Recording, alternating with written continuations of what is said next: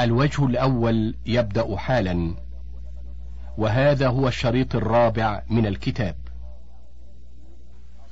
جيم الطعن في الإسلام وهؤلاء قوم من الزنادقة لم يستطيعوا أن يكيدوا للإسلام جهارا فعمدوا إلى هذا الطريق الخبيث فوضعوا جملة من الأحاديث بقصد تشويه الإسلام والطعن فيه. ومن هؤلاء محمد ابن سعيد الشامي المصلوب في الزندقة. فقد روى عن حميد عن أنس مرفوعا أنا خاتم النبيين لا نبي بعدي إلا أن يشاء الله. في الهامش المصدر السابق الجزء الأول صفحة مئتين وأربع وثمانين. انتهى الهامش. ولقد بين جهابذة الأحاديث. أمر هذه الأحاديث ولله الحمد والمنة. دال التزلف إلى الحكام أي تقرب بعض ضعفاء الإيمان إلى بعض الحكام بوضع أحاديث تناسب ما عليه الحكام من الانحراف. مثل قصة غياث ابن إبراهيم النخعي الكوفي مع أمير المؤمنين المهدي حين دخل عليه وهو يلعب بالحمام فساق بسنده على التوالي إلى النبي صلى الله عليه وسلم أنه قال لا سبق إلا في نصل أو خف أو حافر أو جناح فزاد كلمة أو جناح لأجل المهدي. فعرف المهدي ذلك فأمر بذبح الحمام وقال أنا حملته على ذلك. هاء التكسب وطلب الرزق كبعض القصاص الذين يتكسبون بالتحدث إلى الناس فيريدون بعض القصص المسلية والعجيبة حتى يستمع إليهم الناس ويعطوهم كأبي سعيد المدائني زاي قصد الشهرة وذلك بإيراد الأحاديث الغريبة التي لا توجد عند أحد من شيوخ الحديث. فيقلبون سند الحديث ليستغرب فيرغب في سماعه منهم كابن أبي دحية وحماد النصيبي. في الهامش المصدر السابق. الجزء الأول صفحة مئتين وست وثمانين. انتهى الهامش. سبعة مذهب الكرامية في وضع الحديث. زعمت فرقة من المبتدعة سموا بالكرامية. جواز وضع الأحاديث في باب الترغيب والترهيب فقط. واستدلوا على ذلك بما روي في بعض طرق حديث من كذب علي متعمدا من زيادة جملة ليضل الناس ولكن هذه الزيادة لم تثبت عند حفاظ الحديث. وقال بعضهم نحن نكذب له لا عليه. وهذا استدلال في غاية السخف فإن النبي صلى الله عليه وسلم لا يحتاج شرعه إلى كذابين ليروجوه. وهذا الزعم خلاف إجماع المسلمين حتى بالغ الشيخ أبو محمد الجويني فجزم بتكفير واضع الحديث. ثمانية خطأ بعض المفسرين في ذكر الأحاديث الموضوعة. لقد أخطأ بعض المفسرين في ذكرهم أحاديث موضوعة في تفاسيرهم من غير بيان وضعها. لا سيما الحديث المروي عن أبي بن كعب في فضائل القرآن سورة سورة ومن هؤلاء المفسرين ألف الثعلبي باء الواحدي جيم الزمخشري دال البيضاوي هاء الشوكاني. تسعة أشهر المصنفات فيه. ألف كتاب الموضوعات لابن الجوزي وهو من أقدم ما صنف في هذا الفن لكنه متساهل في الحكم على الحديث بالوضع لذا انتقده العلماء وتعقبوه. باء اللآلئ المصنوعة في الأحاديث الموضوعة للسيوطي هو اختصار لكتاب ابن الجوزي وتعقيب عليه وزيادات لم يذكرها ابن الجوزي. جيم تنزيه الشريعة المرفوعة عن الأحاديث الشنيعة الموضوعة لابن عراق الكناني وهو كتاب تلخيص لسابقيه. وهو كتاب حافل مهذب مفيد. المتروك صفحة أربع وتسعين. إذا كان سبب الطعن في الراوي هو التهمة بالكذب وهو السبب الثاني سمي حديثه المتروك. واحد تعريفه. ألف لغة. اسم مفعول من الترك وتسمي العرب البيضة. بعد أن يخرج منها الفرخ التريكة أي متروكة لا فائدة منها. في الهامش انظر القاموس الجزء الثالث صفحة ثلاثمائة وست انتهى الهامش. باء اصطلاحا هو الحديث الذي في إسناده راو متهم بالكذب. اثنان أسباب اتهام الراوي بالكذب أحد أمرين وهما ألف ألا يروى ذلك الحديث إلا من جهته ويكون مخالفا للقواعد المعلومة. في الهامش القواعد المعلومة هي القواعد العامة التي استنبطها العلماء من مجموع نصوص عامة صحيحة مثل قاعدة الأصل براءة الذمة. انتهى الهامش. ما أن يعرف بالكذب في كلامه العادي لكن لم يظهر منه الكذب في الحديث النبوي. ثلاثة مثاله حديث عمرو بن شمر الجعفي الكوفي الشيعي عن جابر عن أبي الطفيل عن علي وعمار قال كان النبي صلى الله عليه وسلم يقنت في الفجر ويكبر يوم عرفة من صلاة الغداء ويقطع صلاة العصر آخر أيام التشريق. وقد قال النسائي والدار قطني وغيرهما عن عمرو بن شمر متروك الحديث. في الهامش ميزان الاعتدال الجزء الثالث صفحة مئتين وثمان وستين انتهى الهامش. أربعة رتبته. مر بنا أن شر الضعيف الموضوع ويليه المتروك ثم المنكر ثم المعلل ثم المدرج ثم المقلوب ثم المضطرب. كذا رتبه الحافظ ابن حجر.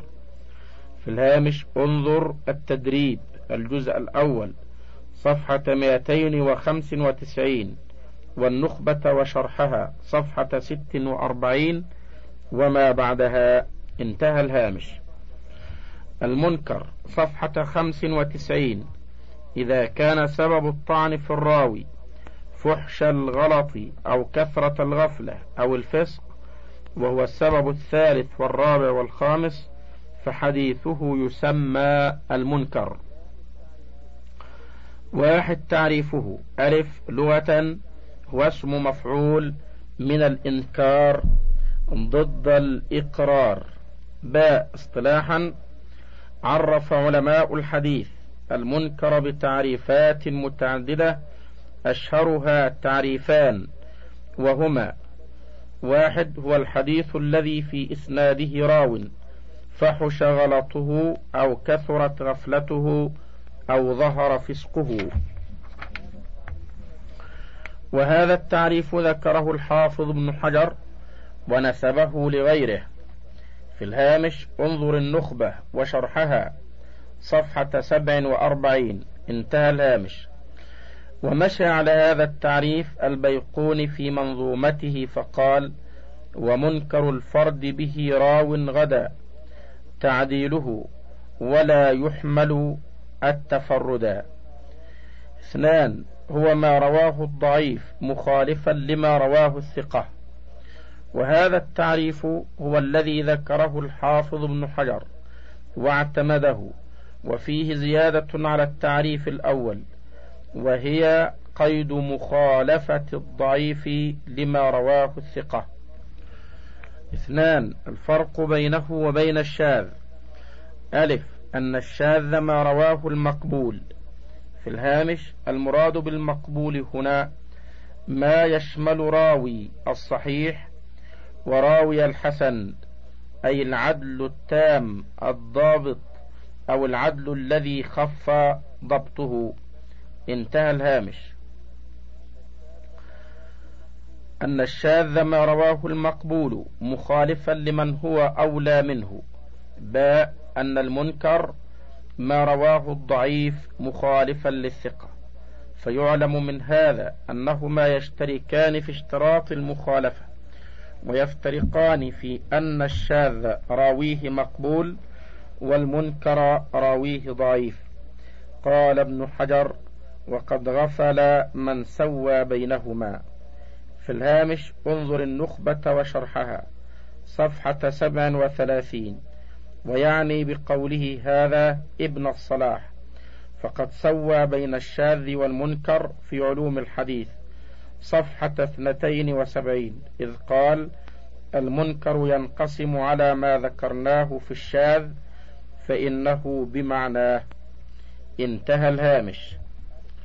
ثلاث مثاله ألف. مثال للتعريف الأول ما رواه النسائي وابن ماجه من رواية أبي زكير يحيى ابن محمد ابن قيس عن هشام بن عروة عن أبيه عن عائشة مرفوعا كلوا البلح بالتمر فإن ابن آدم إذا أكله غضب الشيطان. قال النسائي هذا حديث منكر تفرد به أبو زكير وهو شيخ صالح أخرج له مسلم في المتابعات. غير أنه لم يبلغ مبلغ من يحتمل تفرده. في الهامش التدريب الجزء الأول صفحة مئتين وأربعين. انتهى الهامش. باء مثال للتعريف الثاني.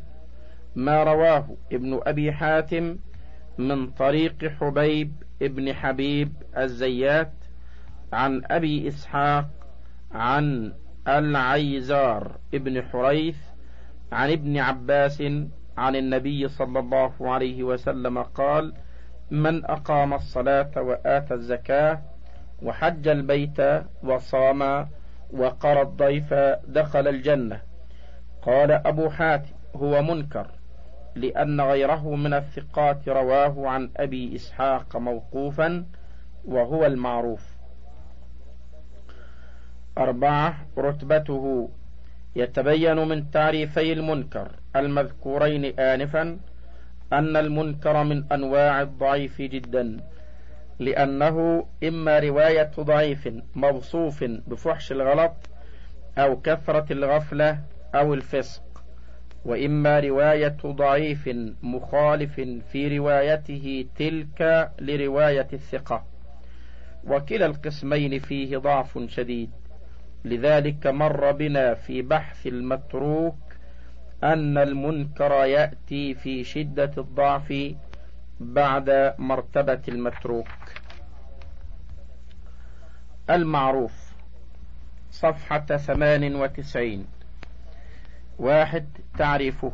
ألف لغة هو اسم مفعول من عرفاء باء اصطلاحا ما رواه الثقة مخالفا لما رواه الضعيف فهو بهذا المعنى مقابل للمنكر أو بتعبير أدق هو مقابل لتعريف المنكر الذي اعتمده الحافظ ابن حجر. اثنان مثاله أما مثاله فهو المثال الثاني الذي مر في نوع المنكر لكن من طريق الثقات. الذين رووه موقوفا على ابن عباس لأن ابن أبي حاتم قال بعد أن ساق حديث حبيب المرفوع هو منكر لأن غيره من الثقات رواه عن أبي إسحاق موقوفا وهو المعروف. في الهامش لم يذكر المعروف هنا لأنه من أنواع المردود وإنما ذكر هنا لمناسبة قسيمه المنكر. هذا والمعروف من أقسام المقبول الذي يحتج به كما هو معروف. انتهى الهامش. المعلل صفحة تسع وتسعين. إذا كان سبب الطعن في الراوي هو الوهم فحديثه يسمى المعلل وهو السبب السادس. واحد تعريفه. ألف لغة. اسم مفعول من أعله بكذا فهو معل وهو القياس الصرفي المشهور وهو اللغة الفصيحة. لكن التعبير بالمعلل من أهل الحديث جاء على غير المشهور في اللغة. في الهامش لأن المعلل اسم مفعول من علله بمعنى ألهاه ومنه تعليل الأم ولدها. انتهى الهامش. ومن المحدثين من عبر عنه بالمعلول وهو ضعيف مرذول عند أهل العربية واللغة. في الهامش لأن اسم المفعول من الرباعي. لا يكون على وزن مفعول. وانظر علوم الحديث صفحة إحدى وثمانين. انتهى الهامش. باء اصطلاحا. هو الحديث الذي اطلع فيه على علة تقدح في صحته مع أن الظاهر السلامة منها. اثنان تعريف العلة. هي سبب غامض خفي قادح في صحة الحديث. فيؤخذ من تعريف العلة هذا أن العلة عند علماء الحديث لا بد أن يتحقق فيها شرطان وهما ألف الغموض والخفاء باء والقدح في صحة الحديث. فإن اختل واحد منهما كأن تكون العلة ظاهرة أو غير قادحة فلا تسمى عندئذ علة اصطلاحا. ثلاثة قد تطلق العلة على غير معناها الاصطلاحي. إن ما ذكرته من تعريف العلة في الفقرة السابقة هو المراد بالعلة في اصطلاح المحدثين لكن قد يطلقون العلة أحيانا على أي طعن موجه للحديث وإن لم يكن هذا الطعن خفيا أو قادحا. ألف فمن النوع الأول التعليل بكذب الراوي أو غفلته أو سوء حفظه أو نحو ذلك حتى لقد سمى الترمذي النسخ علة. باء ومن النوع الثاني التعليل بمخالفة لا تقدح في صحة الحديث كإرسال ما وصله الثقة. وبناء على ذلك قال بعضهم من الحديث الصحيح ما هو صحيح معلل. أربعة جلالته ودقته ومن يتمكن منه. معرفة علل الحديث من أجل علوم الحديث وأدقها لأنه يحتاج إلى كشف العلل الغامضة الخفية التي لا تظهر إلا للجهابذة في علوم الحديث وإنما يتمكن منه. ويقوى على معرفته أهل الحفظ والخبرة والفهم السابق والفهم الثاقب. ولهذا لم يخض غماره إلا القليل من الأئمة كابن المديني وأحمد والبخاري وأبي حاتم والدار قطني. خمسة إلى أي إسناد يتطرق التعليل؟ يتطرق التعليل إلى الإسناد الجامع شروط الصحة ظاهرا لأن الحديث الضعيف لا يحتاج إلى البحث عن علله إذ إنه مردود لا يعمل به. ستة بما يستعان على إدراك العلة. يستعان على إدراك العلة بأمور منها. ألف تفرد الراوي. باء مخالفة غيره له. جيم قرائن أخرى تنضم إلى ما تقدم في الفقرتين ألف وباء. هذه الأمور تنبه العارف بهذا الفن على وهم وقع من راو الحديث.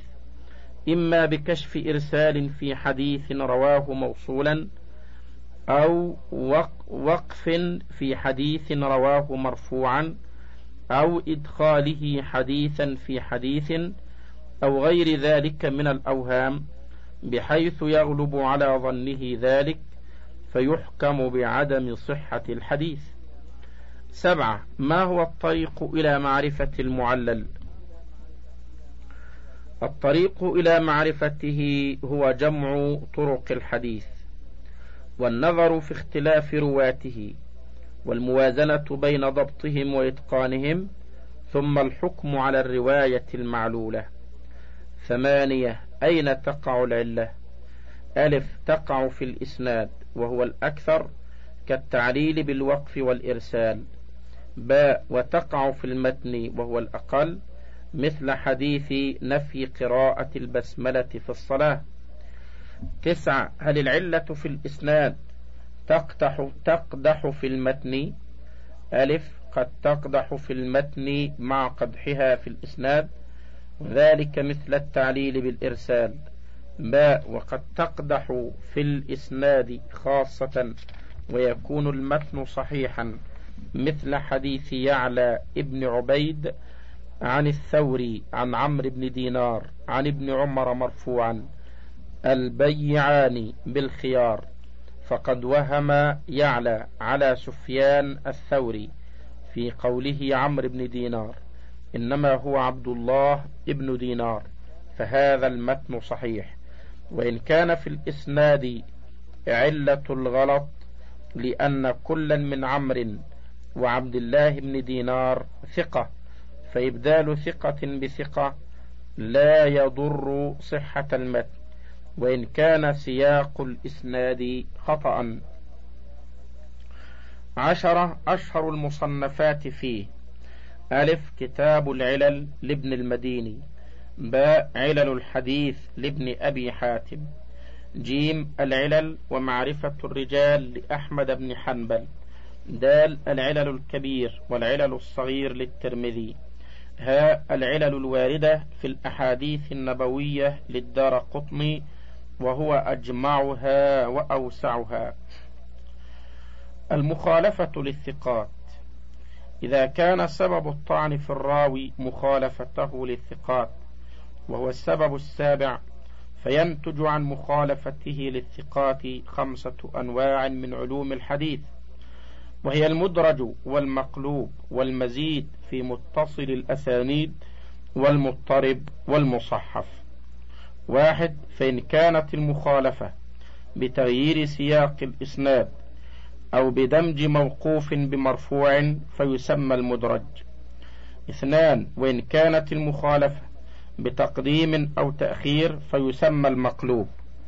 ثلاثة وإن كانت المخالفة بزيادة راو فيسمى المزيد في متصل الأسانيد.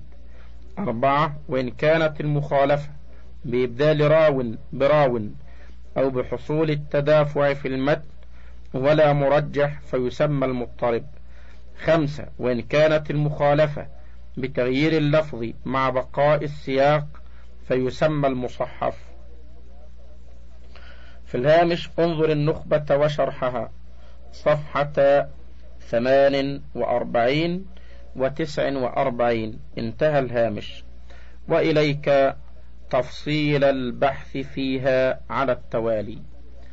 المدرج صفحة مئة وثلاث. واحد تعريفه. ألف لغة. اسم مفعول من أدرجت الشيء في الشيء إذا أدخلته فيه وضمنته إياه. باء اصطلاحا ما غير سياق إسناده أو أدخل في متنه ما ليس منه بلا فصل. اثنان أقسامه المدرج قسمان مدرج الإسناد ومدرج المتن. ألف مدرج الإسناد. واحد تعريفه هو ما غير سياق إسناده. اثنان من صوره أن يسوق الراوي الإسناد. فيعرض له عارض فيقول كلاما من قبل نفسه. فيظن بعض من سمعه أن ذلك الكلام في متن ذلك الإسناد فيرويه عنه كذلك. ثلاثة مثاله قصة ثابت ابن موسى الزاهد في روايته من كثرت صلاته بالليل حسن وجهه بالنهار في الهامش أخرجه ابن ماجه. باب قيام الليل الجزء الأول صفحة أربعمائة واثنتين وعشرين رقم الحديث ألف وثلاثمائة وثلاثة وثلاثون. انتهى الهامش. وأصل القصة أن ثابت بن موسى دخل على شريك بن عبد الله القاضي وهو يملي ويقول حدثنا الأعمش عن أبي سفيان عن جابر قال قال رسول الله صلى الله عليه وسلم وسكت ليكتب المستملي. في الهامش المستملي هو الذي يبلغ صوت المحدث إذا كثر الطلاب في المجلس. انتهى الهامش. فلما نظر إلى ثابت قال من كثرت صلاته بالليل حسن وجهه بالنهار وقصد بذلك ثابتا لزهده وورعه فظن ثابت أنه متن ذلك الإسناد فكان يحدث به. باء مدرج المتن. واحد. تعريفه. ما أدخل في متنه ما ليس منه بلا فصل. اثنان. أقسامه ثلاثة. وهي ألف. أن يكون الإدراج في أول الحديث وهو قليل لكنه أكثر من وقوعه في وسطه. باء أن يكون الإدراج في وسط الحديث وهو أقل من الأول. جيم أن يكون الإدراج في آخر الحديث وهو الغالب. ثلاث أمثلة له. ألف مثال لوقوع الإدراج في أول الحديث. وسببه أن الراوي يقول كلاما يريد أن يستدل عليه بالحديث فيأتي به بلا فصل. فيتوهم السامع أن الكل حديث مثل ما رواه الخطيب من رواية أبي قطن وشبابة فرقهما. عن شعبة عن محمد بن زياد عن أبي هريرة قال قال رسول الله صلى الله عليه وسلم أسبغ الوضوء ويل للأعقاب من النار. فقوله أسبغ الوضوء مدرج من كلام أبي هريرة كما بين في رواية البخاري عن آدم عن شعبة عن محمد بن زياد عن أبي هريرة قال أسبغوا الوضوء. فإن أبا القاسم صلى الله عليه وسلم قال ويل للأعقاب من النار. قال الخطيب وهم أبو قطن وشبابه في روايتهما له عن شعبة على ما سقناه وقد رواه الجم الغفير عنه كرواية آدم. في الهامش تدريب الراوي الجزء الأول صفحة 270 انتهى الهامش. انتهى الوجه الأول.